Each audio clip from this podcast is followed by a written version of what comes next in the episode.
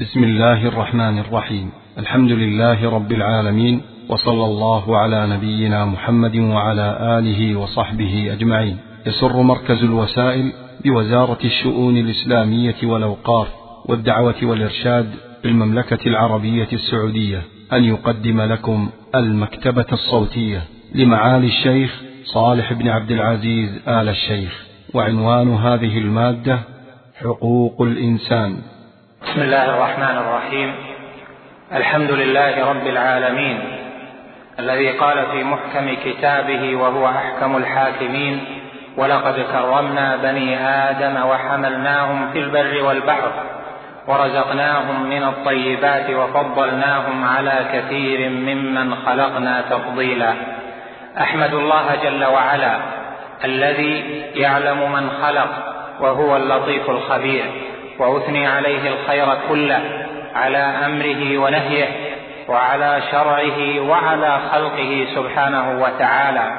فهو الذي جاء الناس فهو الذي أرشد الناس وأمرهم إلى ما فيه كمالهم وصلاحهم في دنياهم وآخرتهم.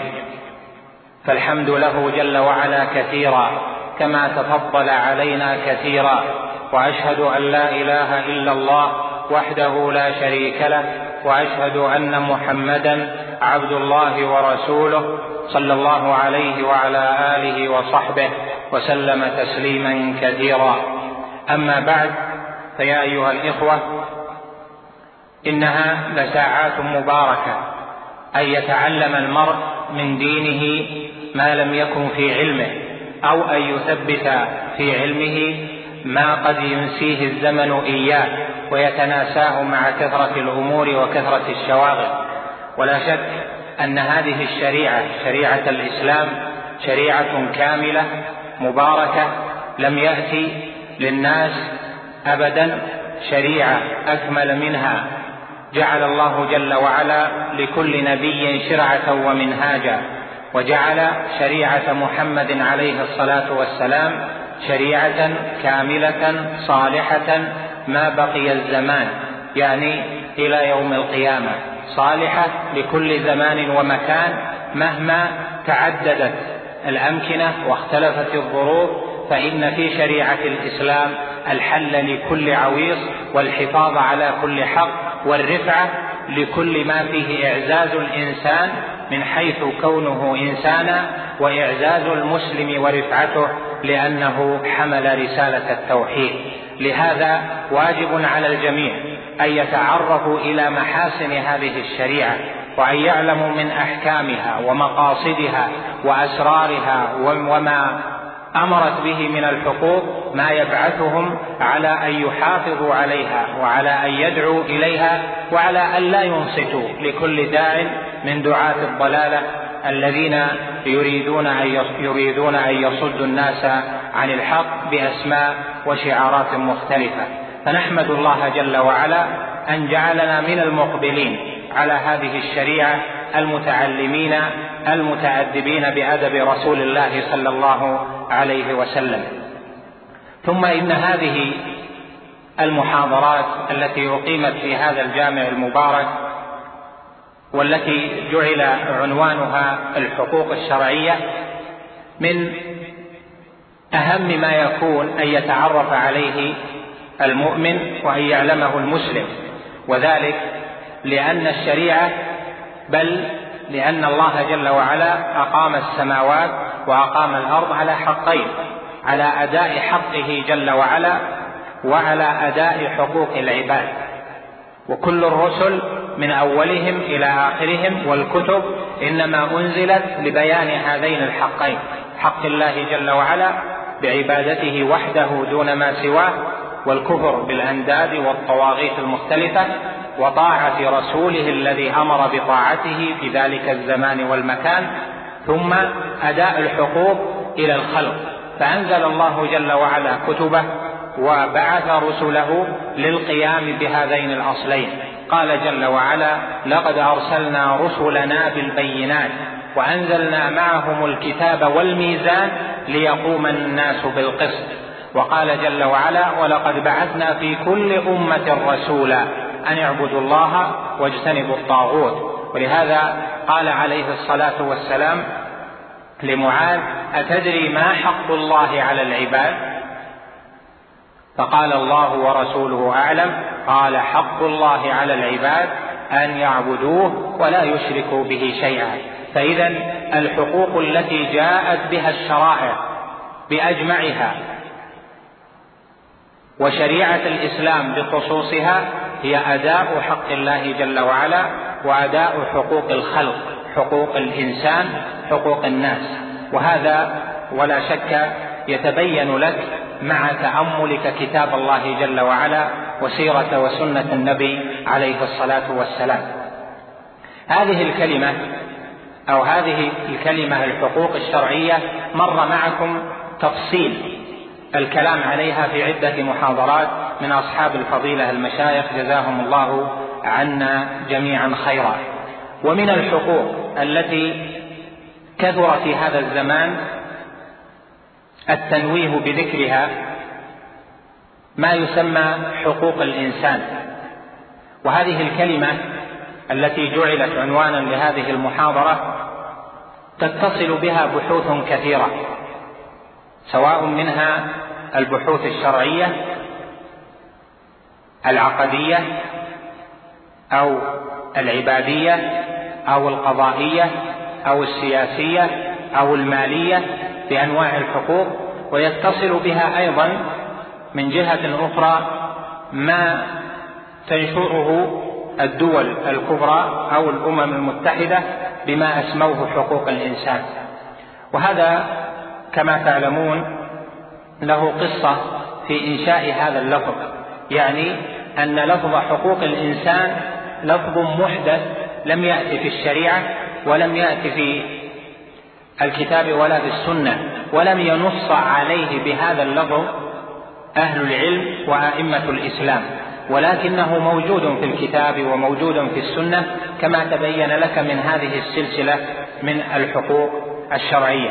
لكن لما أتى هذا الزمان وقامت الحرب العالمية الثانية وانتصر فيها الحلفاء وانتصرت فيها أمريكا على المخالفين وقامت هيئة الأمم المتحدة كونوا نظاما عالميا جديدا وكلمة النظام العالمي الجديد ليست وليدة ما بعد حرب الخليج وإنما هي كلمة جاءت بمبادئها وأسسها بعد الحرب العالمية الثانية.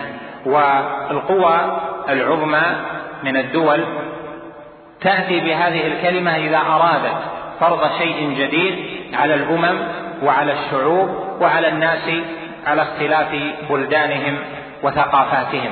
فبعد الحرب العالمية الثانية أرادوا وضع نظام عالمي جديد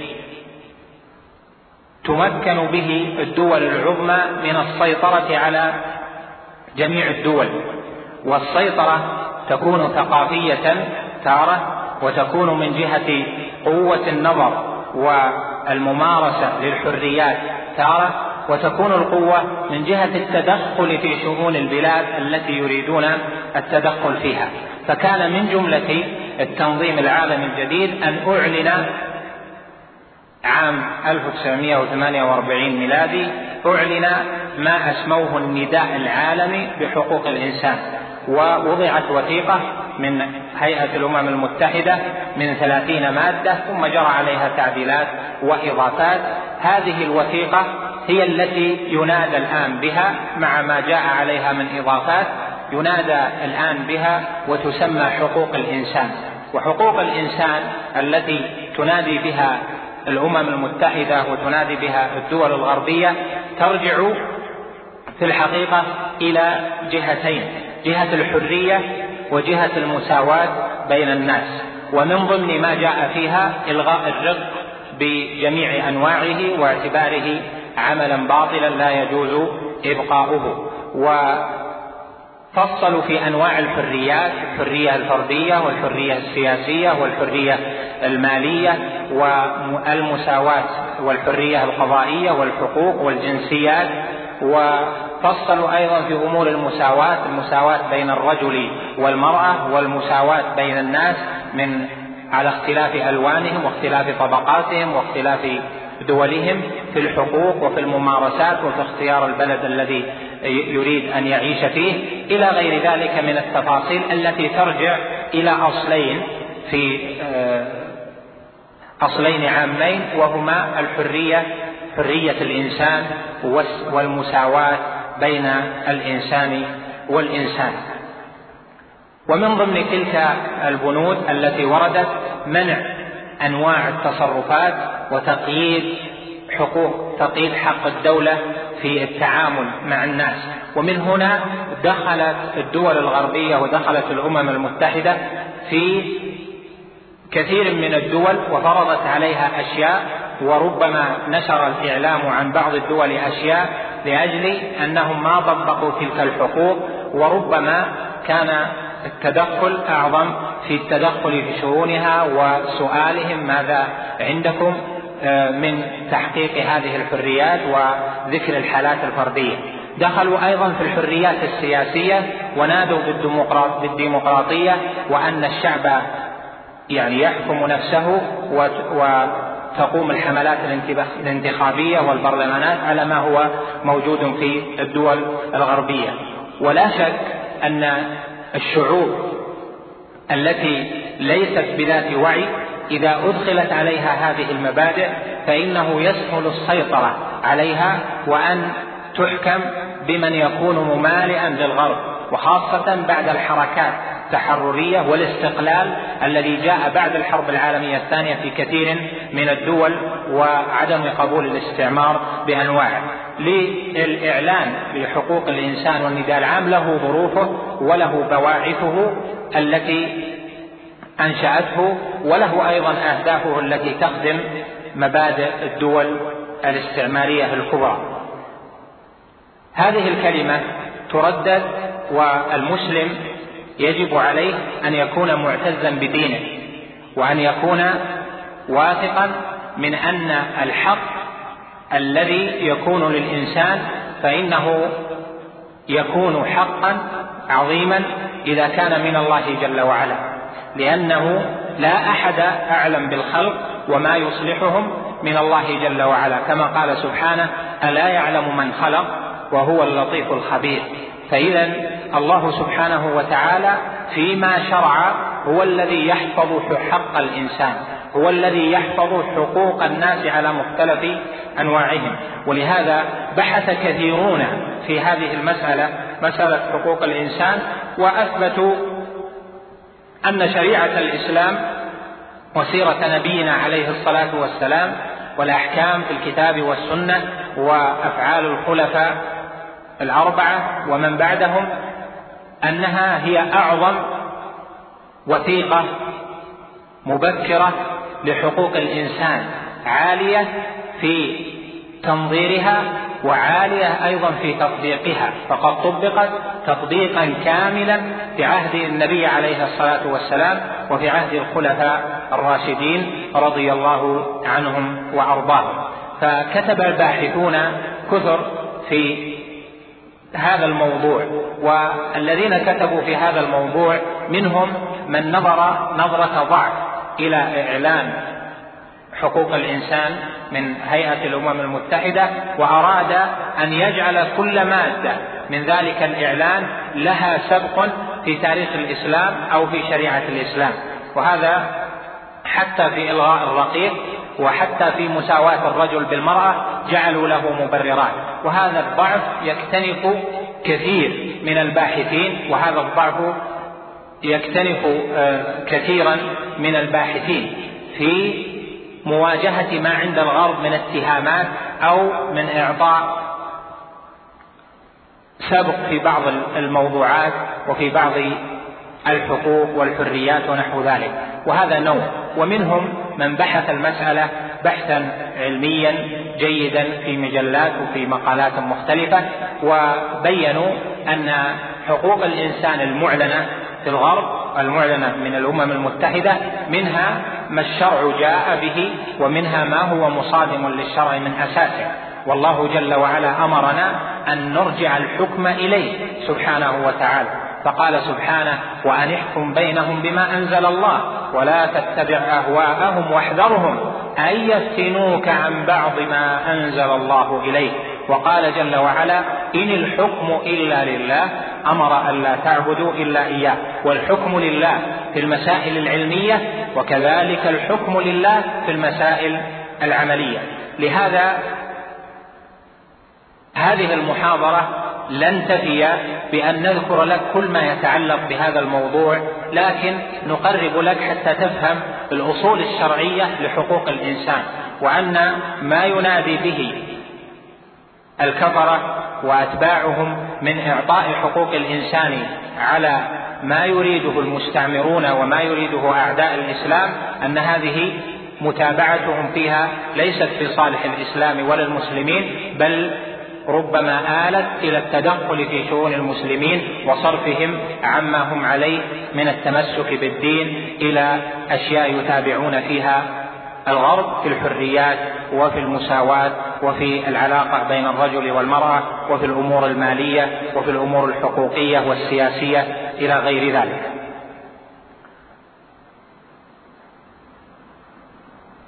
أصل الحقوق حقوق الإنسان يرجع إلى فهم معنى قول الله جل وعلا ولقد كرمنا بني آدم وتكريم الله جل وعلا لبني آدم كما قال العلماء يرجع إلى شيئين. الأول تكريم الله جل وعلا لبني آدم في خلقته وخلقه وفيما سخر له من مما في السماء ومما في الأرض. والله جل وعلا بين ذلك في الآية. والثاني من التكريم أن الله جل وعلا رفع ابن آدم عن الحيوان وعن غيره وفضله على كثير ممن خلق تفضيلا فيما يتصل بسعادته والمصالح التي تتوخى في عيشه وعلاقته بنوع الإنسان. وهذا من أجله جاءت الشرائع في تبيين حق الله جل وعلا وحق العباد. فقول الله جل وعلا ولقد كرمنا بني آدم وفي آخر الآية وفضلناهم على كثير ممن خلقنا تفضيلا هذا يرجع إلى الخلق ويرجع أيضا إلى التشريع والتنظيم وما أمروا به من عبادة الله وحده ومن اتباع المرسلين والأنبياء. الحقوق التي تدخل تحت هذه الكلمة. حقوق الإنسان كما ذكرت لك ترجع إلى نوعين عند المستغربين بل عند الغربيين إلى الحرية وإلى المساواة. وكلمة الحرية هذه التي نادوا بها لا توجد مطلقة حتى في بلادهم. الحرية المطلقة من دون قيد في أن يفعل الإنسان ما شاء دون أن يحاسب على ما فعل هذه لا وجود لها في أي مكان من الأرض. بل توجد الحريات في حيث وجدت لكن تنتهي إلى حد بعده يقال للناس ما بعده ممنوع لست حرا في ذلك. وهذا يعطيك تصورا عن أن كلمة الحرية لا توجد على الأرض إلا نسبية. أما الحرية المطلقة الحريه المطلقة في كل شيء في المال وفي السياسة وفي القضاء وفي التصرف في النفس وفي الدماء ومع الأولاد ومع هذه لا توجد كاملة بلا قيد في أي مكان من الأرض. وإنما توجد حرية تختلف البلاد فيها آه، سعة وضعفا بحسب قوة إعطاء الحريات فإذا كلمة الحرية التي هي جزء من حقوق الإنسان التي يدعون هذه لا توجد مطلقة عندهم. وإذا كان كذلك وإذا وضعوا لها القيود البشرية بمحض آرائهم فنقول إن هذا الأصل يدل على أن وضع القيد على الحرية محى كلمة الحرية من أن تكون مقبولة لكل إنسان.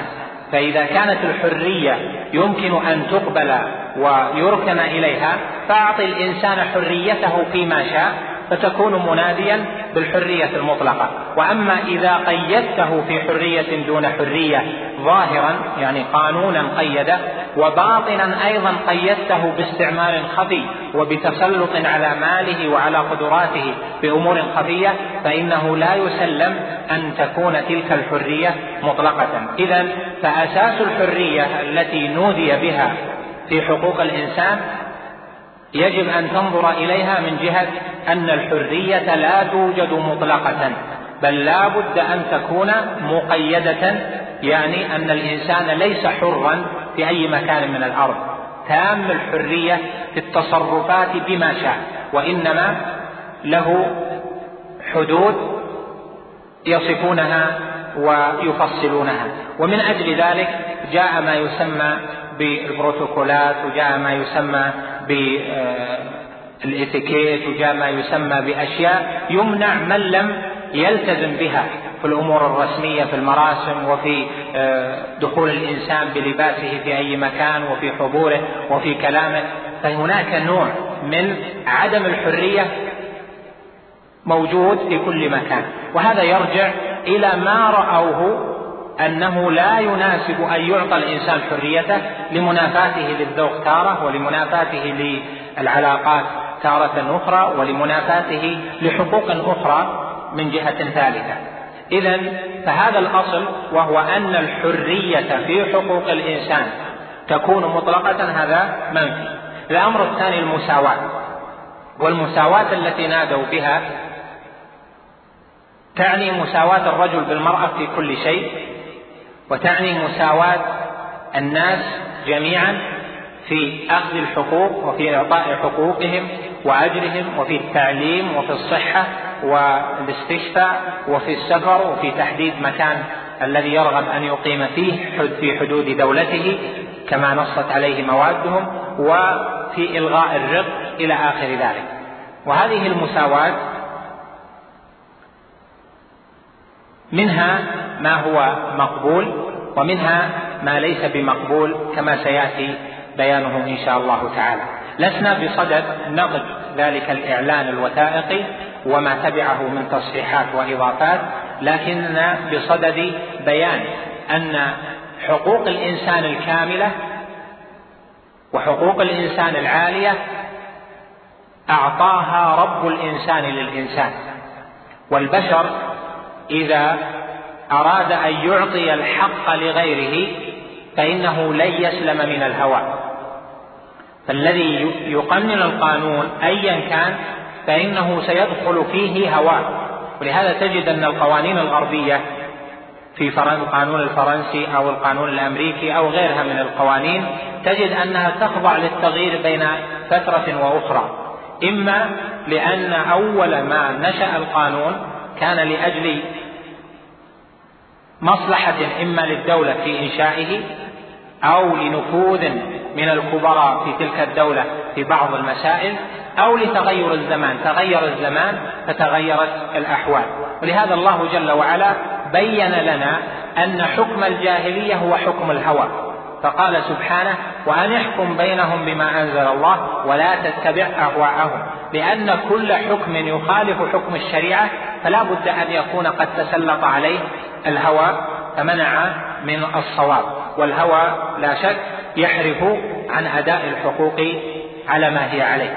إذا فتلك المبادئ قامت على أساس نظر بشري يدخله الهوى تدخله مصالح الدول ويدخله الرغبة في السيطرة على الدول الضعيفة أو الدول التي فيها خيرات. بعد هذا العرض إذا رأيت ما كان الناس عليه قبل مبعث محمد عليه الصلاة والسلام سواء العرب عرب مكة وما حولها أو من في الجزيرة أو من في الشام والعراق ومصر وفارس والروم وجدت أن سلب الحريات موجود على مصراعيه أو مفتوح على مصراعيه. وأن المساواة منفية بل تم شريعة الغار لأن القوي يأكل الضعيف يتسلط الناس بعض يتسلط الناس بعضهم على بعض. ولهذا قال ربعي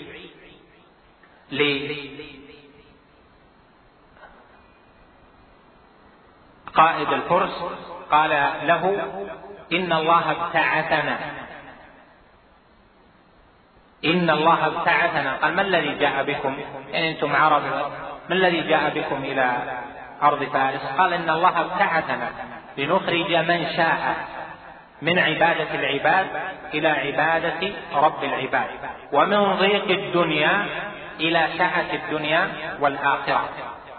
جاء النبي عليه الصلاة والسلام وأوحي إليه بشرعة الإسلام وأمره الله جل وعلا بأن يصدع وأن ينذر عشيرته الأقربين ثم ينذر الناس جميعا وجعل رسالته رحمة للعالمين فقال وما أرسلناك إلا رحمة للعالمين. لما جاء النبي عليه الصلاة والسلام في ذلك المجتمع كان المجتمع مجتمع تنفذ فيه الصراع الطبقي والتميز الطبقي على أشده. فهذه القبيلة أفضل من هذه القبيلة وهؤلاء أرفع وهؤلاء متسلطون على غيرهم ونحو ذلك من الأعراف القبلية التي فيها تباين وفيها تفضيل بعض الناس على بعض. فجاءهم النبي عليه الصلاة والسلام بالأصل العظيم وهو قول الله جل وعلا يا أيها الناس إنا خلقناكم من ذكر وأنثى وجعلناكم شعوبا وقبائل لتعارفوا إن أكرمكم عند الله أتقاكم. فجعل الكرم والفضل والتميز لمن كان أتقى لا للجنس ولا للون ولا للقبيلة ولا للبلد وإنما جعل التفاضل بحسب التقوى. إن أكرمكم عند الله أتقاكم. وفي هذا المعنى قال نبينا عليه الصلاة والسلام لا فضل لعربي على عجمي إلا بالتقوى. وجاء في الأثر أيضا الناس سواسية كأسنان المشط وهذا كما هو معروف في التكليف جعل الله جل وعلا الناس سواسية. يعني الخطاب للناس جميعا للذكر والأنثى وللحر وللعبد و للغني وللفقير على اختلاف طبقاتهم الناس جميعا مأمورون بتوحيد الله جل وعلا ومأمورون بامتثال أوامره وتقواه بحسب الاستطاعة. وهذا نوع من النظرة نظرة السواسية في التكليف. كذلك لما جاء الإسلام ألغى التفرقة بين الناس بل آل الأمر إلى المؤاخاة. فجعل النبي صلى الله عليه وسلم يؤاخي بين المهاجرين والأنصار بل ربما أوخي ما بين حر وغيره في في المدينة. بل جاء عن علي رضي الله عنه أنه جعل سلمان الفارسي من أهل البيت. فصح عن علي رضي الله عنه أنه قال سلمان منا أهل البيت. ويروى مرفوعا عن النبي صلى الله عليه وسلم ولا يصح مرفوعا وإنما يصح موقوفا على علي رضي الله عنه كما أخرجه الإمام أحمد وأبو نعيم وجماعة. هذه النظرة إلى عدم التفريق لا شك أنه سبق في أداء حق الإنسان أو في إعطاء الإنسان من حيث إنه ابن لآدم في أن الجميع في أن الجميع متساوون في حقوقهم أمام الله جل وعلا ومتساوون أيضا في أداء الحقوق والواجبات بينهم وبين الناس.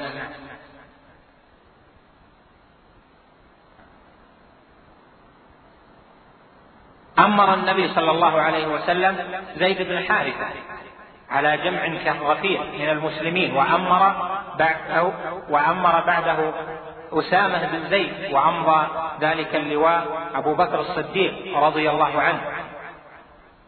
لما فتح المسلمون الأمصار وشاع الإسلام وانتشر آل الأمر إلى أن يكون الأعاجم إلى أن يكون أبناء فارس وغيرهم والعجم وغير العرب إلى أن يكونوا هم العلماء.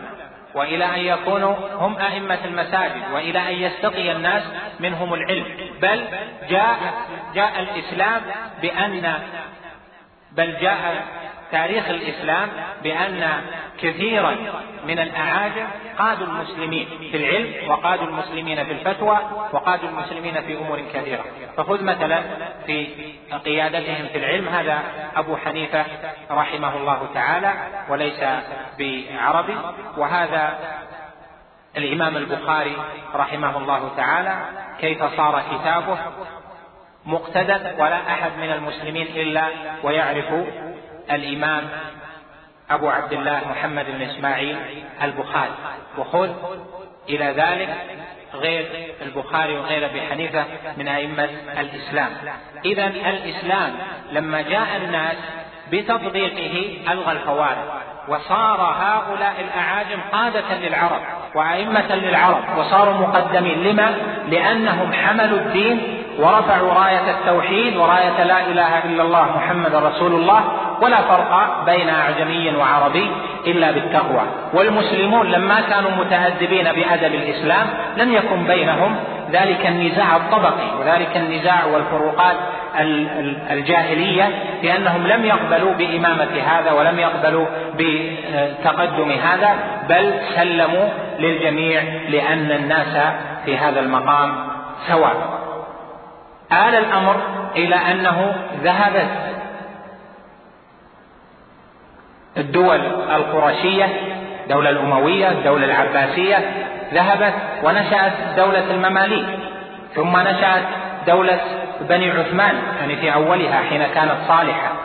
ودان المسلمون لهم وصاروا هم القادة وهم الأمراء لأنهم رأوا أن في ذلك المصلحة الشرعية وتحقيق مصالح العباد. إذا فأول من ألغى التفريق الطبقي ومارسه فعلا وأرشد الناس إليه بل جعل صار الجميع لا حرج في صدورهم من تطبيقه هو الإسلام وتاريخ الإسلام غني بهذا. إذا فتطبيق الإسلام في هذا الأصل العظيم أصل المساواة في تاريخه يشهد بهذا. كذلك في جانب المساواة في الحقوق لا شك أن الشريعة جاءت بالمساواة في الحقوق وهنا شيئان. في الشريعة الأول المساواة والثاني العدل. والمساواة والعدل واجب مطلقا والمساواة في أبوابها وليست مطلقة. وتوضيح ذلك أن العدل هو أداء الواجب. إعطاء كل ذي حق إعطاء كل ذي حق حقه. بلا تعد في ذلك. فهذا هو العدل والله جل وعلا أمر بالعدل أمرا مطلقا إن الله يأمر بالعدل والإحسان وإيتاء ذي القربى. فالعدل أن يعطى كل صاحب حق حقه. هذا هو العدل بين الناس. ما يحرم أحد من حقه لأجل أنه كذا أو كذا. ويعطى حقه بما يناسب مقامه. ولهذا جاءت الشريعة بعدم تساوي الناس في ارتكاب المخالفات. التي هي دون الحدود. فصح عن النبي صلى الله عليه وسلم أنه قال أقيلوا ذوي الهيئات عثراتهم إلا الحدود. وهذا فيه ترك للمساواة في هذا الأمر وذلك للمصالح الشرعية العظيمة المترتبة على ذلك. عمر رضي الله عنه لم يساوي في العطاء أهل بدر مع غيرهم. لم يساوي في العطاء من بيت المال السابق لم يساوي السابقين إلى الإسلام مثل المتأخرين بل أعطى كل ذي حق حقه وأعطى كل أحد بحسب سابقته. وهذا هو العدل لأن التسوية بين الناس مع اختلافهم في في نصرة الإسلام واختلافهم في قدراتهم فإن هذا ليس المساواة هنا ليست مشروعة بل المشروع هو العدل. المساواة في الشرع مأمور بها في الحقوق وفي أمور كثيرة. مثل مثلا الحقوق القضائية. في القضاء وعقد الحق واجب على الناس واجب على الدولة وعلى ولاة الأمر وعلى القاضي أن يكون الناس عنده سواسية. لا يفضل أحدا على أحد. حتى إذا أتى عند القاضي المسلم وغير المسلم فإنه لا يميز المسلم على غير المسلم في مجلس القضاء. لأن هذا مجلس عدل وحكم. وهنا الناس سواسية فيه. وهذا حق مطلق للإنسان في أن يحكم بشريعة الإسلام في أن يحكم ويأخذ حقه بقوة القضاء. وقد قال جل وعلا فإن جاءوك فاحكم بينهم أو أعرض عنهم وإن تعرض عنهم فلن يضروك شيئا. يعني في أهل الكتاب وإن حكمت بينهم فاحكم بينهم بالقسط إن الله يحب المقسطين. الآيات. هذا الحق وهو حق أخذ أن يتساوى هو وغيره في أداء الحقوق أعلنه نبينا عليه الصلاة والسلام أعظم إعلان في مسائل كثيرة. أولها في بيان سبب هلاك اليهود وأن اليهود هلكوا لما فرقوا في الأحكام الشرعية والحدود والقضاء ما بين الشريف والوضيع وما بين عالي القوم وبين غيرهم. فقال عليه الصلاة والسلام وأيم الله. لو أن فاطمة بنت محمد سرقت لقطعت يدها. دماء المسلمين متكافئة. دماء المسلمين واحدة. وكذلك أموالهم وكذلك أعراضهم. فليس ثم تفريق ما بين عرض وعرض وليس ثم تفريق ما بين دم ودم وليس ثم تفريق في القضاء وفي الشريعة ما بين حق مالي وحق مالي. بل الجميع مستوون أمام شرع الله جل وعلا. المسلمون سواسية في هذا الحق. ولهذا ربما مكن النبي صلى الله عليه وسلم من أخطأ عليه عليه الصلاة والسلام مكنه من نفسه ليقتص منه. بل قال عليه الصلاة والسلام رحمة بأمته اللهم أيما عبد مؤمن سببته. فاجعلها عليه رحمة. تعرفون قصة الصحابي في بدر لما عرض النبي صلى الله عليه وسلم ووجد صدره باديا فلكزه النبي عليه الصلاة والسلام فقال اقدني يا رسول الله. فتح له النبي عليه الصلاة والسلام بطنه فقبل بطنه ذلك الصحابي وقال أردت هذا أو كما جاء في الحديث. إذا في الحقوق القضائية حق الإنسان سواء أكان مسلما أم غير مسلم حقه في القضاء وأخذ الحق له في شريعة الإسلام واحد لا يختلف الناس في ذلك. لا نأخذ الحق للمسلم على النصراني لا نأخذ الحق لمسلم على اليهودي بل بالبينات. أد الأمانة إلى من ائتمنك ولا تخن من خانك وأن يحكم بينهم بما أنزل الله. والله جل وعلا أمرنا أن نكون قوامين بالقسط شهداء لله ولو على أنفسنا. يا أيها الذين آمنوا كونوا قوامين بالقسط شهداء لله ولو على أنفسكم. وقال جل وعلا ولا يجرمنكم شنآن قوم على ألا تعدلوا اعدلوا هو أقرب للتقوى. ولهذا في عهد الصحابة رضوان الله عليهم كان يأتي اليهودي مع المسلم فلا يميز المسلم على اليهودي في المجلس بل هم من جهة الحكم الشرعي ومن جهة القضاء هذا خصم وهذا خصم فواجب أن يكونوا سواء وألا يكون هناك حيف. لما؟ لأنه إذا وجد التمييز في هذه المسائل دب الفساد إلى الأرض. والله جل وعلا أمرنا بإصلاحها ونهانا عن إفسادها. فقال سبحانه ولا تفسدوا في الأرض بعد إصلاحها وادعوه خوفا وطمعا. إصلاح الأرض برسالة محمد صلى الله عليه وسلم وبأداء الحقوق الشرعية التي التي جاء بها نبينا عليه الصلاة والسلام. هذا إصلاح الأرض وأعظمها التوحيد وترك الشرك وفسادها بالتفريط في حق الله جل وعلا أولا أو بالتفريط في حقوق الخلق. يدب الفساد شيئا فشيئا حتى تحل يحل غضب الله جل وعلا ولا تطغوا فيه فيحل عليكم غضبي ومن يحلل عليه غضبي فقد هوى وإني لغفار لمن تاب وآمن وعمل صالحا ثم اهتدى. الناس في بلد الإسلام بل الناس في الأرض في الشريعة أقسام. الأول المسلم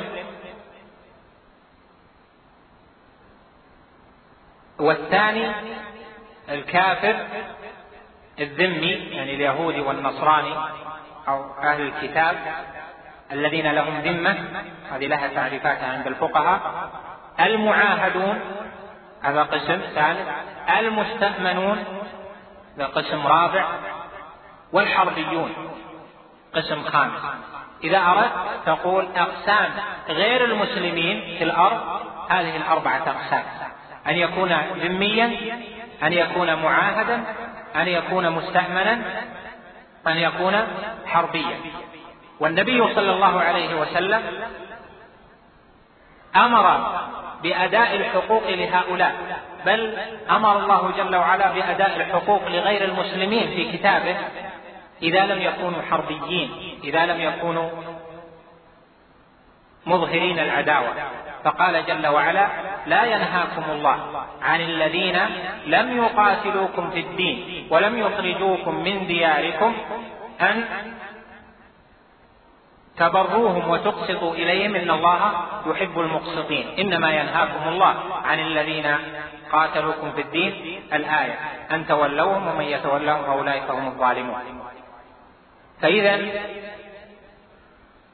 الحق الذي للذم ثابت في الشريعة. ليس لأنه كافر نهضم حق الإنسانية. هو حق جعله الله جل وعلا له. قال عليه الصلاة والسلام من آذى ذميا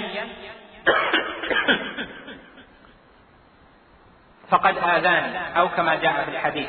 وصح عنه عليه الصلاة والسلام أنه قال من قتل معاهدا لم يرح رائحة الجنة. معاهد لماذا؟ لأن المسلمين يسعى بذمتهم أدناه هذا جاء بعهد جاء بأمان. كان في بلاد الإسلام بأمان. وعهد أن لا يعتدى عليه في نفسه أن لا يعتدى عليه في دمه أن لا يعتدى عليه في عرضه أن لا يعتدى عليه في ماله. فالحقوق واجبة له شرعا.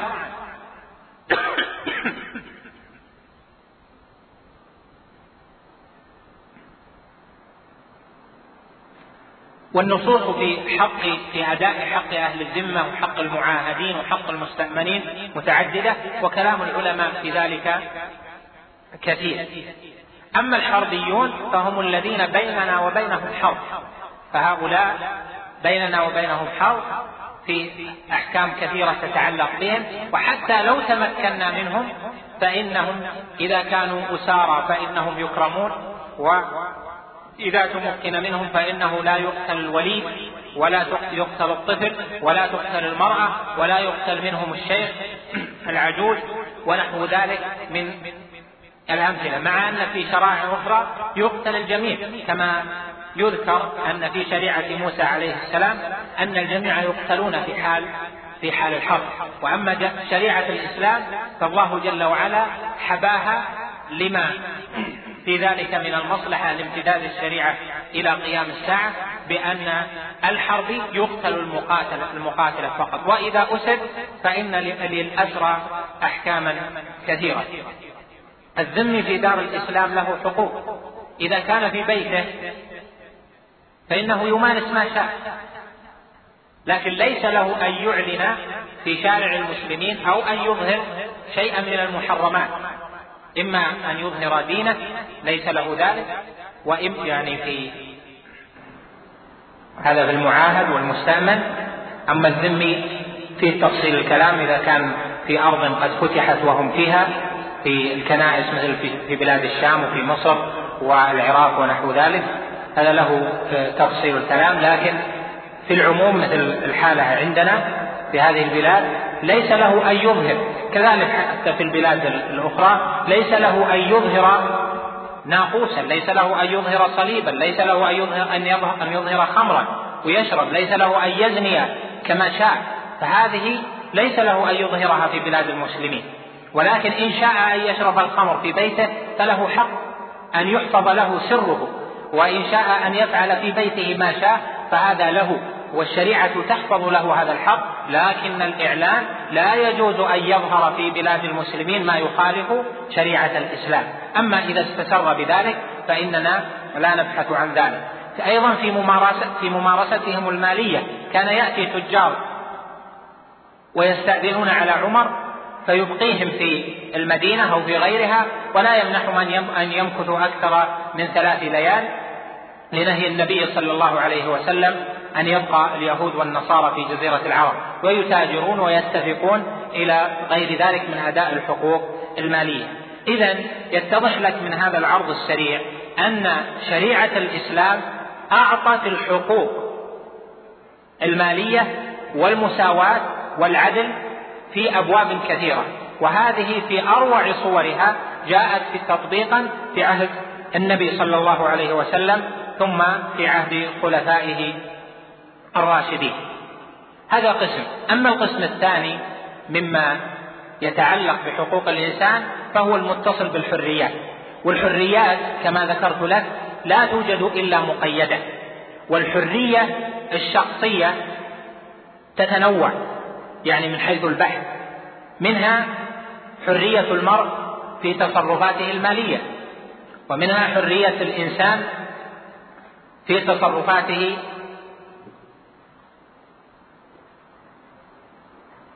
حرية الإنسان في تصرفاته. في في سفره وإقامته وفي اختياره للبلد الذي يعيش فيه ونحو ذلك. ومنها حرية الحرية السياسية التي يعبر عنها بهذا التعبير. ومنها الحرية الدينية في أن يختار أي دين شاء. هذه الحريات تطرقت إليها مواثيق حقوق الإنسان.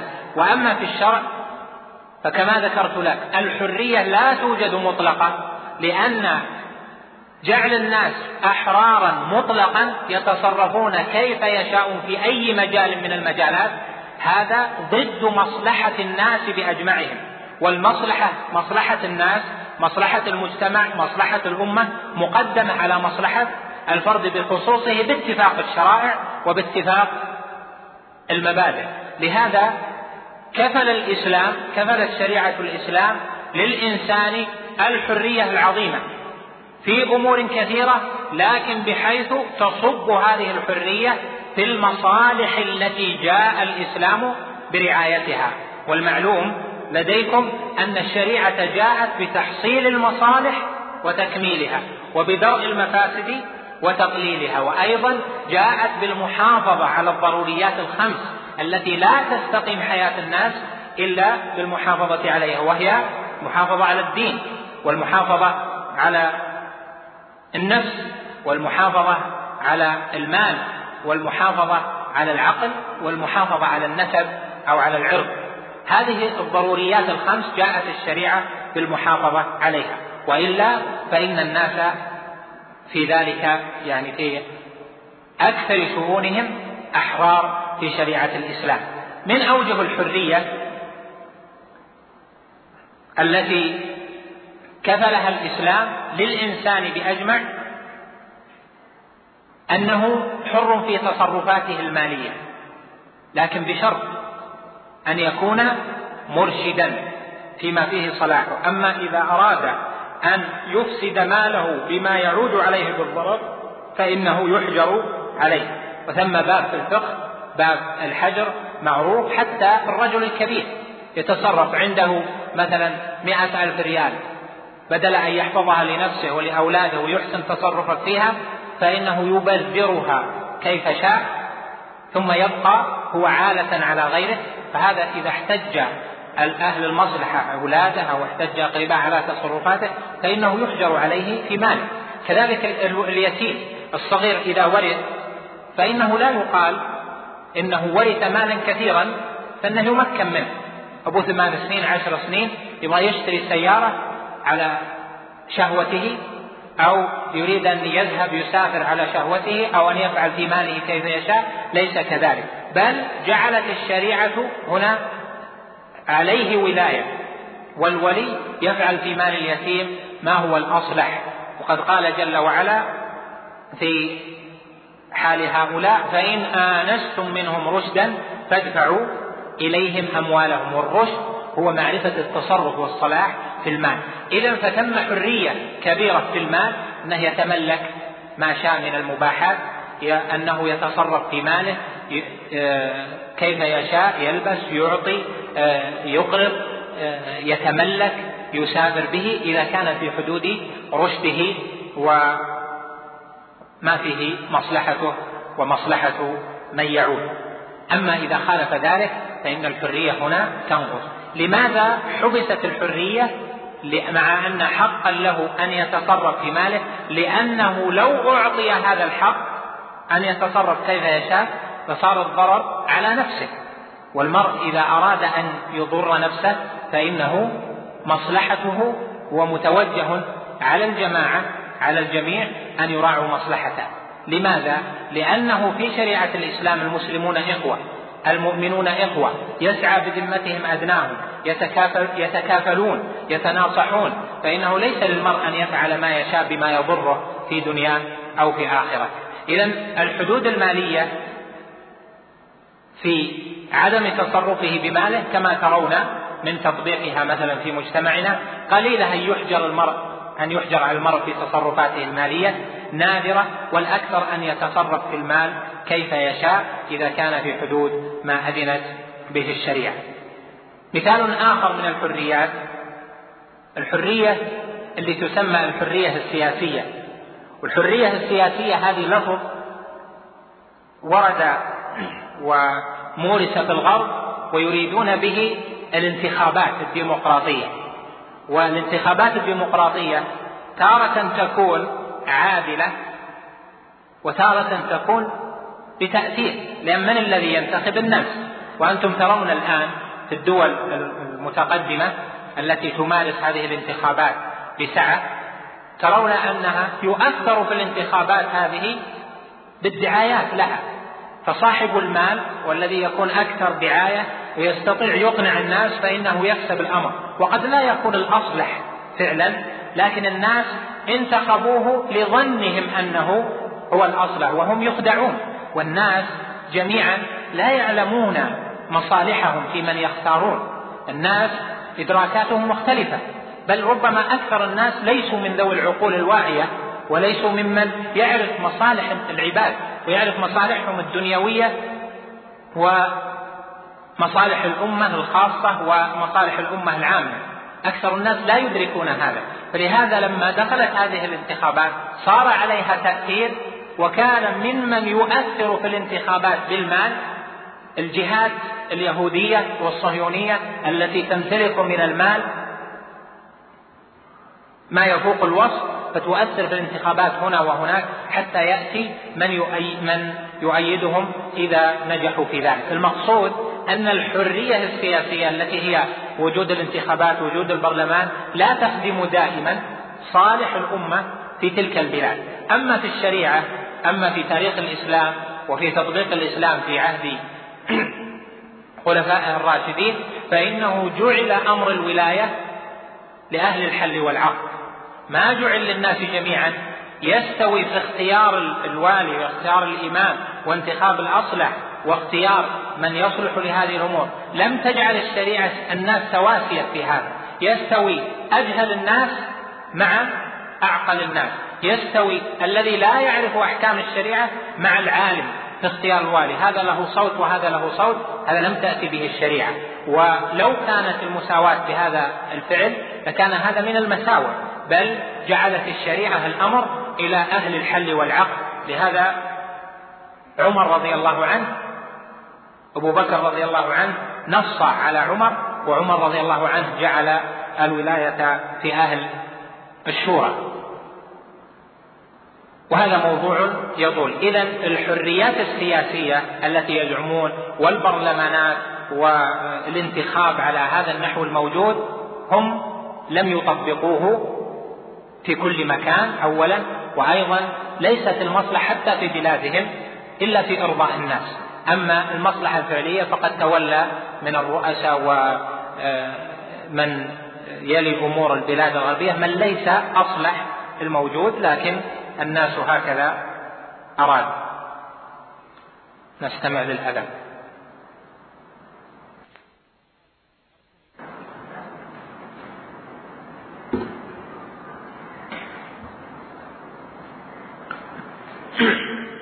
ومما يتصل أيضا بموضوع الحريات السياسية على حسب مصطلح القوم أنهم يريدون الحريات السياسية أن لأي فئة من الناس تكوين حزب. وهذا الحزب ينشأ في الناس وينشط ويؤثر على السياسة العامة بحسب توجهات الحزب. لهذا وجد في الدول الغربية والدول الشرقية وجد فيها أحزاب متضاربة. هذا حزب ديمقراطي وهذا حزب جمهوري وهذا حزب اشتراكي في بعض الدول وهذا حزب العمال وهذا إلى آخره. وهذه تتنافس فإذا انتصر الحزب في شيء ما نفذ أغراضه وفكرته وآراءه السياسية والوجودية والقضائية نفذها في الناس جميعا. ولذلك تجد أن انتصار حزب على حزب لما تكونت الحريات اللي يسمونها السياسية ليس فيه رضا الناس. بل تجد أن أصحاب هذا الحزب يبقون راضين. وأما غيرهم فلا يودون أن هذا الحزب ينتصر ويذمون أفعاله ويذمون آراءه. فإذا تمكن الحريات السياسية على حسب ما وضع عندهم جعل هناك منافسات بين أحزاب سياسية قد لا تقود البلد إلى فكرة واحدة وإلى صالح واحد وقد لا تقود الناس إلى الرضا بتصرفات الدولة جميعا. لهذا الدول كلها يصير فيه هناك ضرار ينتصر حزب بحكم الحرية السياسية والديمقراطية ثم لا يقبل به. وأمامكم تجارب عظيمة في ذلك لما انتصرت بعض الأحزاب الإسلامية في الجزائر وفي تركيا. لم يرضى لم ترضى الدولة بذلك لأن الحكم عسكري وهم يريدون ديمقراطية وحقوق إنسان. لكن إذا كان بينتصر الإسلاميون فإن هذا غير مقبول. ولهذا حتى حقوق الإنسان والأمم المتحدة وحتى الدول الغربية لن تمارس حقوق الإنسان بحسب ما أعلن بل تخلفوا عن كثير منها في المبادئ التي نادوا بها. والكلام يطول في ذكر مخالفات الدول الغربية والأمم المتحدة والكفرة بأنواعهم مخالف والمنافقون مخالفاتهم. يطول بذكر مخالفاتهم لما تزعموه من حقوق من حقوق الإنسان في الحريات السياسية. أما الشريعة فجاءت بشيء أعظم من هذا الباب بشيء أعظم من كل التجارب التي مرت بالبشرية وهو مبدأ النصيحة وعبادة التعبد لله جل وعلا بنصيحة ولاة الأمر. ونصيحة ولاة الأمر فرض شرعي كما قال نبينا عليه الصلاة والسلام الدين النصيحة الدين النصيحة الدين النصيحة. قلنا لمن يا رسول الله؟ قال لله ولكتابه ولرسوله ولأئمة المسلمين وعامتهم. فأئمة المسلمون نصيحتهم واجبة ولا خير فيهم إذا لم يسمعوا النصيحة ولا خير في المؤمنين أيضا إذا لم يقولوا النصيحة. لكن كيف تصل هذه النصيحة؟ وقنوات وصول هذه النصيحة؟ غالبا ما كانت في زمن الإسلام الأول كانت عن طريق أهل الحل والعقد وأهل الشورى الذين يستطيعون أن يعرفوا ما يناسب من ما لا يناسب في هذا الباب. الحرية التي أيضا نادى بها نادت بها تلك المبادئ ولا يجوز أن يقال بها في الإسلام حرية الدين وحرية التفكير. أما حرية الدين فهم يقولون للإنسان أن يختار أي دين شاء. يعني إذا كان تدينا في نفسه ما له تعدي على الآخرين أو آه، ممارسات متعدية. من جهته يختار أي دين شاء. أما دين الله جل وعلا الذي أنزله سبحانه وتعالى على رسوله وهو الإسلام فهو الدين الحق. ولذلك من اختار الإسلام دينا وصار مسلما فإنه لو أراد أن يقول أنا حر أختار غير هذا الدين فإنه لا يقر عليه. لماذا؟ لأنه أصبح كالمجنون الذي لا لا يعرف مصلحته. فمصلحته إنما هي في دين الإسلام في, في الدنيا وفي الآخرة. ولو سمح له بالانتقال لسمحنا له بأن يكون من أهل من أهل النار. ولذلك فإنه من ارتد عن دينه فإنه يقتل. من بدل دينه فاقتلوه. كما صح عن النبي عليه الصلاة والسلام. يعني أي مسلم اختار غير دين الإسلام فإنه يجب قتله. ومن يرتد منكم عن دينه فسوف يأتي الله بقوم يحبهم ويحبونه.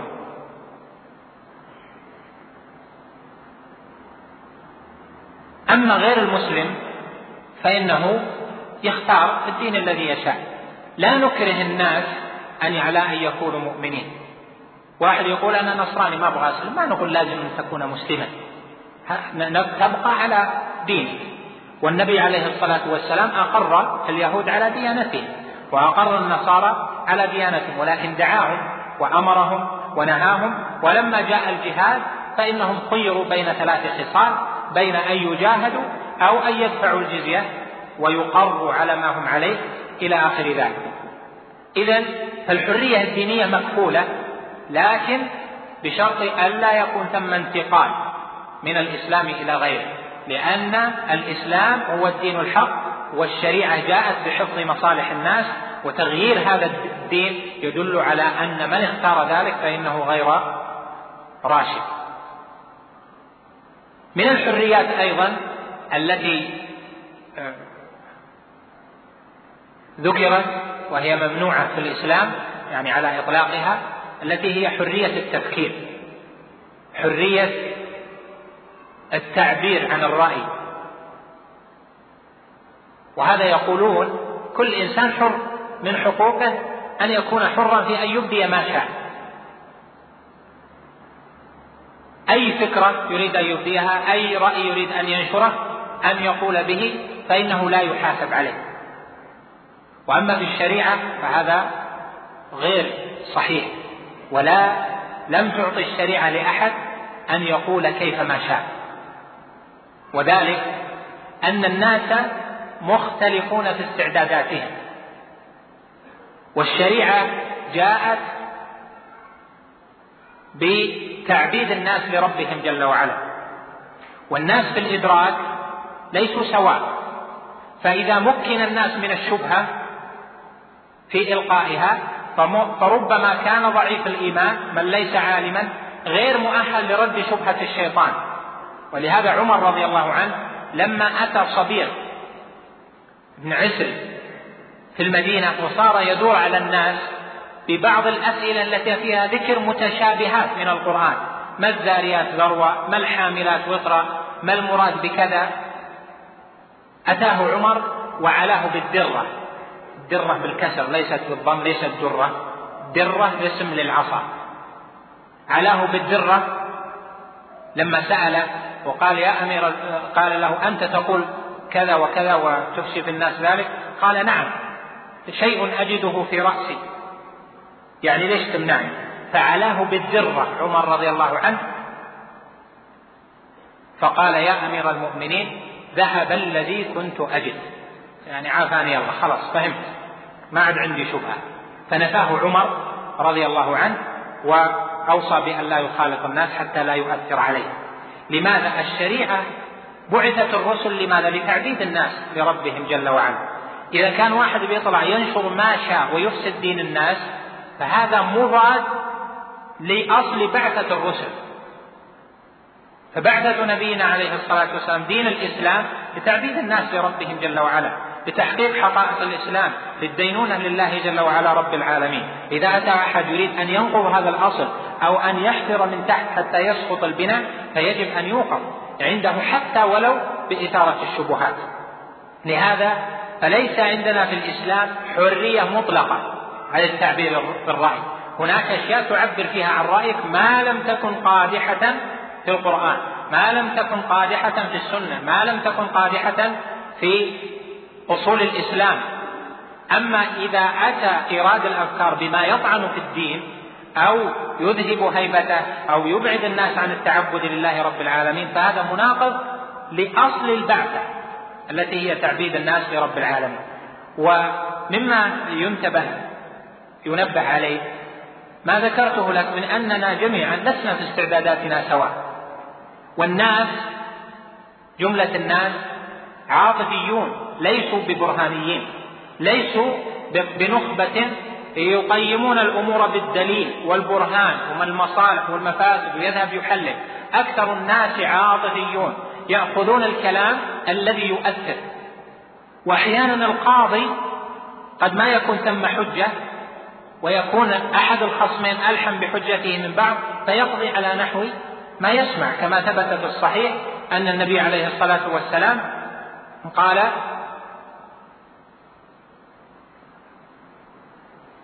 يعني فيما معنى الحديث؟ يأتيني الآتي فيكون ألحن بحجته من الآخر فأقضي له وإنما أقضي على نحو ما أسمع. فأيما امرئ قضيت له من حق أخيه شيئا فإنما هو قطعة من النار فليأخذ أو ليدع أو كما قال عليه الصلاة والسلام.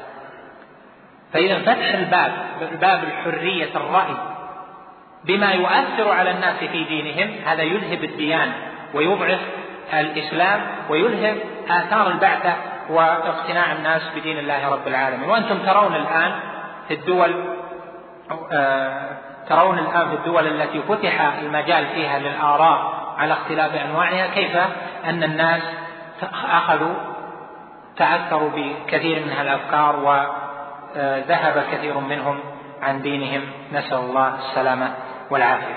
إذا أكثر الناس عاطفي عاطفي يأخذ بالكلام يأخذ والله هذه فكرة صحيحة هذا منطق هذا معقول لكن ما يعرف وجهة النظر الأخرى. ولا شك أن ثم واجبا على العلماء أن يبينوا فساد قول كل صاحب مقالة فاسدة لحماية الدين والرد عن دين محمد عليه الصلاة والسلام لكن قد ما يتاح هذا دائما. فلو قيل بحرية الرأي مطلقا لا صار ذلك سببا لإفساد عقائد الناس أو ديانتهم لأن الناس ليسوا في مستوى رد الشبه. فإذا نقول إن الديانة شريعة الإسلام جاءت بحفظ حقوق الإنسان سواء كان هذا الإنسان والد أو ولد زوج أو زوجة إمام أو رعية قاضي أو مقضي عليه والي أو مولى أمير أو مأمور حر أو عبد ذكر أو أنثى جاءت الشريعة بحفظ هذه الحقوق. وتبين لك من هذه المحاضرات التي مضت والتي ستأتي أنواع ما كفلته الشريعة لانواع الإنسان من الحقوق. حق الوالد. حق الوالدين. أظن فيه محاضرة هذا. حقوق الوالدين مضت. حق الأولاد. حق الزوج. حق الزوجة. هذا الإنسان الإنسان هذا انواعه حق المسلم. على المسلم. حق الكافر. كافر له حق أيضا. إذا كان كافر بجوارك فله حق أيضا حق الجيرة. المعاهد له حق المعاهدة حق الاستئمان. النبي صلى الله عليه وسلم كان إذا طبخ مرقة في بيته طبخت مرقة في بيته أرسل لجارهم اليهود منها لمصلحة شرعية. فإذا الشريعة كفلت الحقوق الحقوق المالية حقوق الجوار الحريات لكن بما يخدم المصلحة التي جاءت الشريعة بتحقيقها. والشريعة لم تأتي للدنيا كما هي مبادئ الكفار وإنما أتت للدنيا والآخرة. ففيها صلاح المعاش وصلاح المعاد صلاح الدنيا وصلاح الآخرة. هذه جمل يسيرة فيها ذكر أصل هذا الموضوع المهم وهو موضوع حقوق الإنسان.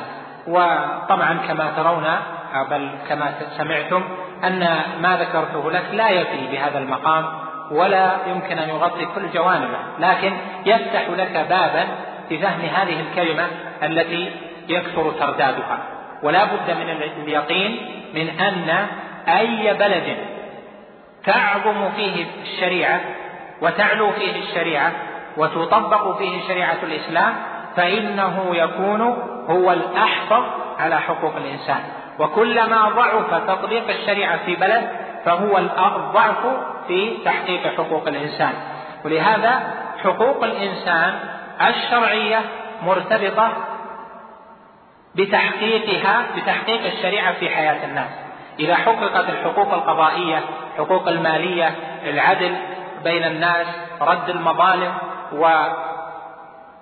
والحريات التي أذنت بها الشريعة فهذا يعني أن الناس أخذوا حقوقهم وأن الإنسان في هذه الدار أخذ حقه.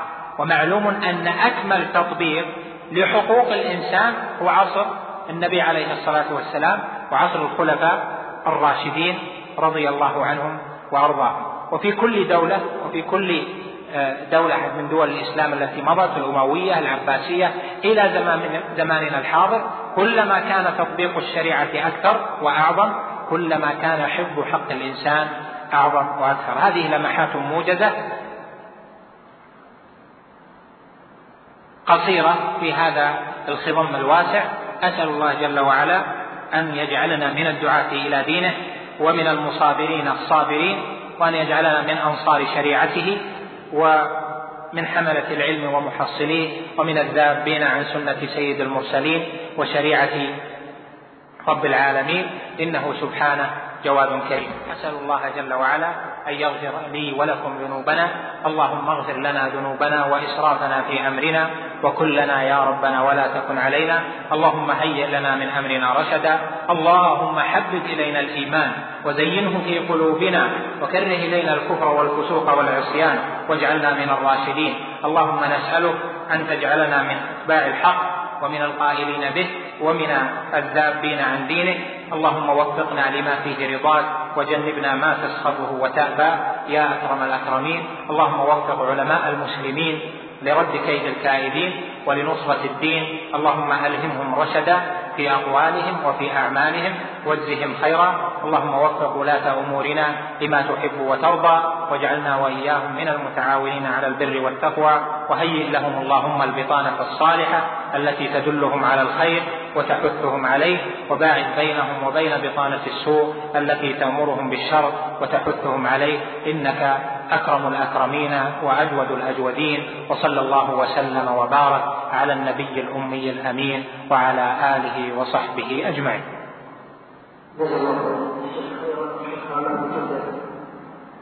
وأرجو من فضيلته رأى من الجواب في استيعاب الأسئلة لأن الوقت قد ضاع فله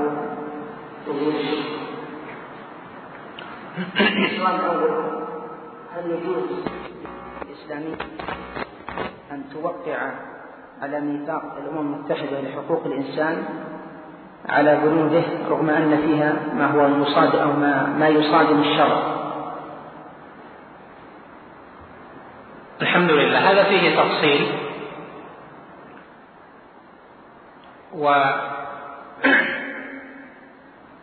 والأصل في هذا أن الاتفاق الذي فيه شروط اختلف العلماء هل يلزم كله أم لا يلزم إلا ما يوافق الشريعة؟ وأخذوا هذا من حديث بريرة حيث إنه اشترط على عائشة شرط مخالف وهو أن يكون الولاء لهم. وقال النبي صلى الله عليه وسلم بيعيها واشترطي لهم الولاء فإن الولاء لمن أعتق كل شرط ليس في كتاب الله فهو باطل وإن كان مئة شرط. دل الحديث على أن الموافقة ظاهرا على شرط باطل شرعا مع إضمار والالتزام بعدم تطبيقه فإن هذا يجوز لأنه شرط باطل. فإذا جرى التبايع مع شروط باطلة فإنه يصح تصح الشروط الموافقة للشرع والباطلة التي لا توافق الشرع فإنها تكون باطلة ولو وقع على المجموع. والعلماء المعاصرون اختلفوا في هذا والذي عليه كثير من علمائنا أخذا من هذا الاستدلال أن أنه إذا اضطرت الدولة الإسلامية إذا اضطر البلد إذا اضطر ولي الأمر ولي الأمر إلى أن يوقع ذلك أن يوقع مثل هذا فإنه لا بأس بشرط أن لا يكون منفذا لما يخالف شريعة الله لأجل الأثر السابق. يقول السائل أي أقسام الكفار الأربعة موجود في الوقت الحاضر؟ كيف؟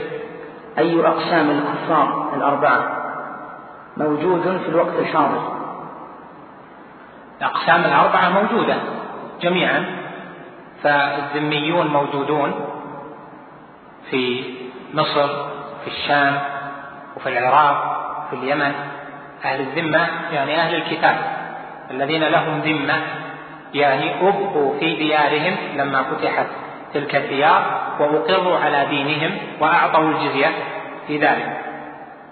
فهم أهل ذمة لهم ما لنا وعليهم ما علينا. فبمقابل ما يأخذه أهل الإسلام يأخذه ولي الأمر المسلم يأخذه الإمام من الجزية يحميهم ويدفع عنهم الأعداء مع جملة من يدفع عنه من المؤمنين. والمعاهد هو الذي يكون بيننا وبينه عهد. وهذا قد يكون بين طوائف دولة ودولة بينها عهد أو يكون بين فرد وفرد يكون عهد أنا آتي ولا يعتدى عليه هذا معاهد. والمستأمن من دخل بأمان إما لعمل أو لزيارة أو لملاقاة الإمام الرسل الرسل رسل الملوك ورسل الرؤساء من وقت النبي صلى الله عليه وسلم يدخلون بأمان ليسوا بعهد يدخلون بأمان. والمسلمون يسعى بذمتهم أدناهم. فلو مسلم لو أن مسلما أمن مسلما آخر فإنه يؤخذ بتأمينه ما لم يعارض مصلحة شرعية أكبر من ذلك. هذا المستأمن المحارب الحربيون هو من بيننا وبينهم حرب. الدول التي فيها جهاد في سبيل الله يكون بيننا وبينهم حرب. مثل الآن ما بيننا وبين اليهود. فاليهود في أرض فلسطين حربيون. ومثل الدول التي فيها جهاد الآن مثلا أول البوسنة والآن الكوسوفو وأشباه ذلك هنا يكون الحربي يوجد يوجد الحربيون إذا وجد القتال إذا وجد الجهاد. ما بين الدول الآن كلها عهود يعني بيننا وبين دولة كذا في أوروبا أو بين أمريكا أو بين الدولة كذا الكافرة هذا يكون معاهدة يكونون معاهدين لهم حقوق المعاهدة. نعم. يقول السائل نرى بعض الشركات النصرانية تظهر شعارا يتضح فيه رسم الصليب. فما رأيكم؟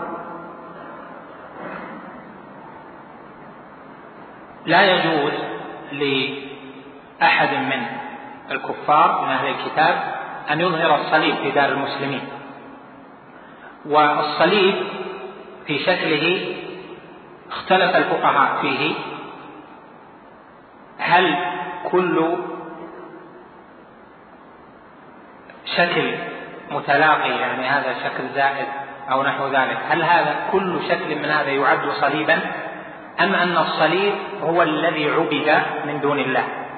والذي عليه أكثر الفقهاء وشراح الحديث عند شرح حديث لم يدع شيئا فيه تصليب. إلا نقضه عليه الصلاة والسلام وقول النبي صلى الله عليه وسلم لعلي ألق عنك لما أتاه عليه هذا وعليه الصليب ألق عنك هذا الوثن خصه أكثر الفقهاء والعلماء بالصليب الذي هو على هيئة الخشبة التي صلب عليها شبه عيسى عليه السلام وهو في ظن النصارى أنهم صلبوا عيسى عليه السلام وما صلبوه وما قتلوه وما صلبوه ولكن شبه لهم فالصليب الذي هو بالاتفاق هو الذي يكون على هيئة الرأس واليدين المفتوحة وبقية الجسم. وبقية الأنواع هذه مختلف فيها بين الفقهاء. والذي ينبغي سدا للذريعة أن تجعل آه، أنواع الصليب كلها داخلة في الحكم. لأننا نرى أن جمعيات الإسعاف الدولية تسمي تلك الجمعية الصليب الأحمر وشكل الصليب الذي عليها زائد ليس طويلا. فهذا من أشكال الصليب التي عنده نعم. يقول السائل كيف نرد على من قال إن الإسلام قام بالسيف؟ الإسلام قام بالسيف؟ هذه شبهة قديمة. أن الإسلام انتشر بالسيف هذا ليس بصحيح. والواجب هو الدعوة. والله جل وعلا جعل الجهاد إذا لم يتمكن المسلمون أو ردوا عن إجابة نداء الله جل وعلا. يعني رد الناس عن إجابة دين الله جل وعلا فيشرع الجهاد. فالأصل هو الدعوة إلى دين الله كما جاء تشريع ذلك في مكة ثم في المدينة. أذن بالقتال لمن قاتل. أذن للذين يقاتلون بأنهم ظلموا وإن الله على نصرهم لقدير. ثم في آخر الأمر أمر الله جل وعلا بمجاهدة المشركين كافة وقاتلوا المشركين كافة كما يقاتلونكم كافة. وهذا القتال لا يعني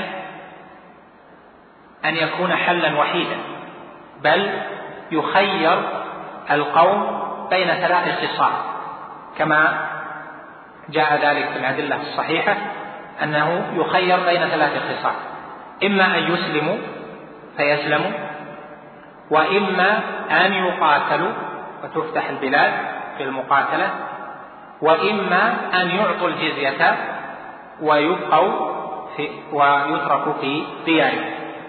فليس القتال حلا وحيدا لكن الأرض لله جل وعلا يورثها من يشاء من عباده.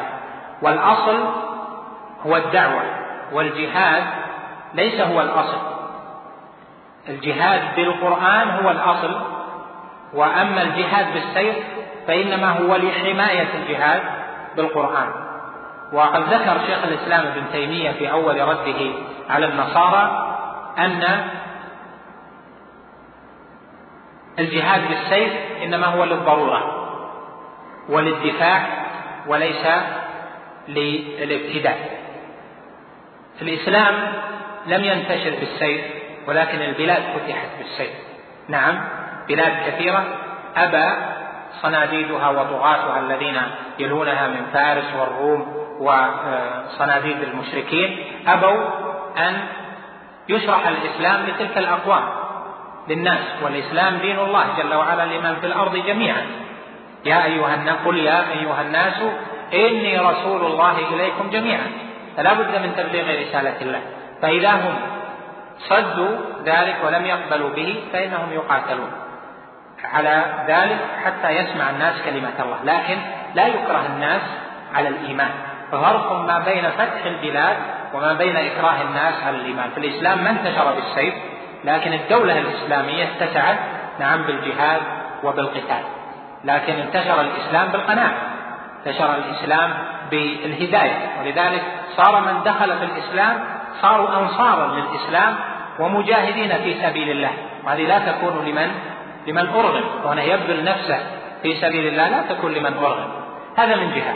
ومن جهة أخرى فإن الذي يقول هذه المقالة وهم النصارى وأتباع النصارى والمتأثرين والمتأثرون بهم ينسون أيضا أن النصرانية ما دخلت أوروبا إلا عن طريق السيف. والنصرانية أيضا ما دخلت أمريكا إلا عن طريق السيف.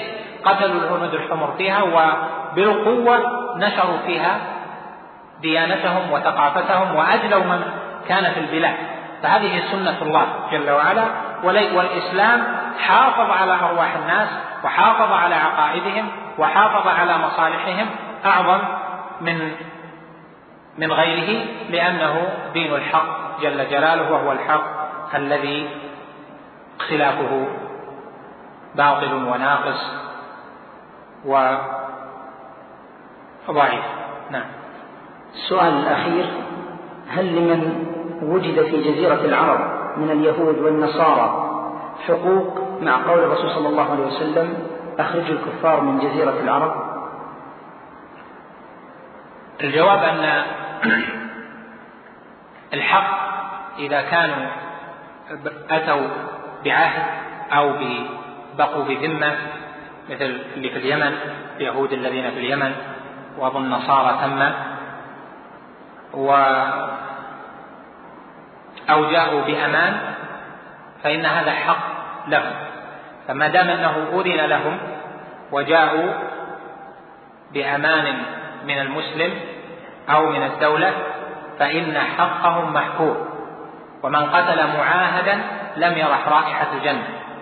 فجزيرة العرب جزيرة العرب قال فيها نبينا عليه الصلاة والسلام أخرجوا اليهود والنصارى من جزيرة العرب ولم يخرجوا في عهد أبي بكر الصديق رضي الله عنه وإنما أخرجهم عمر رضي الله عنه. فاستدل به بعض أهل العلم على أن المصلحة إذا كانت في بقائهم أو في وجودهم في الجزيرة فإنه يجوز تأخير ذلك. وقال آخرون أن قول عمر موافق للنصوص في ذلك وهو الحق فيما رجحه أئمة الدعوة رحمهم الله تعالى. أما مسألة حق المعاهد وحق الذم وحق المستأمن هذا باتفاق أهل العلم حتى لو وجد في مكان ليس له الحق شرعا أن يوجد فيه لكن دخل بأمان فإنه يجرى عليه الأمان وتعطى عليه وتعطى له الحقوق كاملة. والله أعلم. صلى الله وسلم وبارك على نبينا محمد. اللهم صل وسلم على مع تحيات مركز الوسائل بوزارة الشؤون الإسلامية والأوقاف والدعوة والإرشاد بالمملكة العربية السعودية.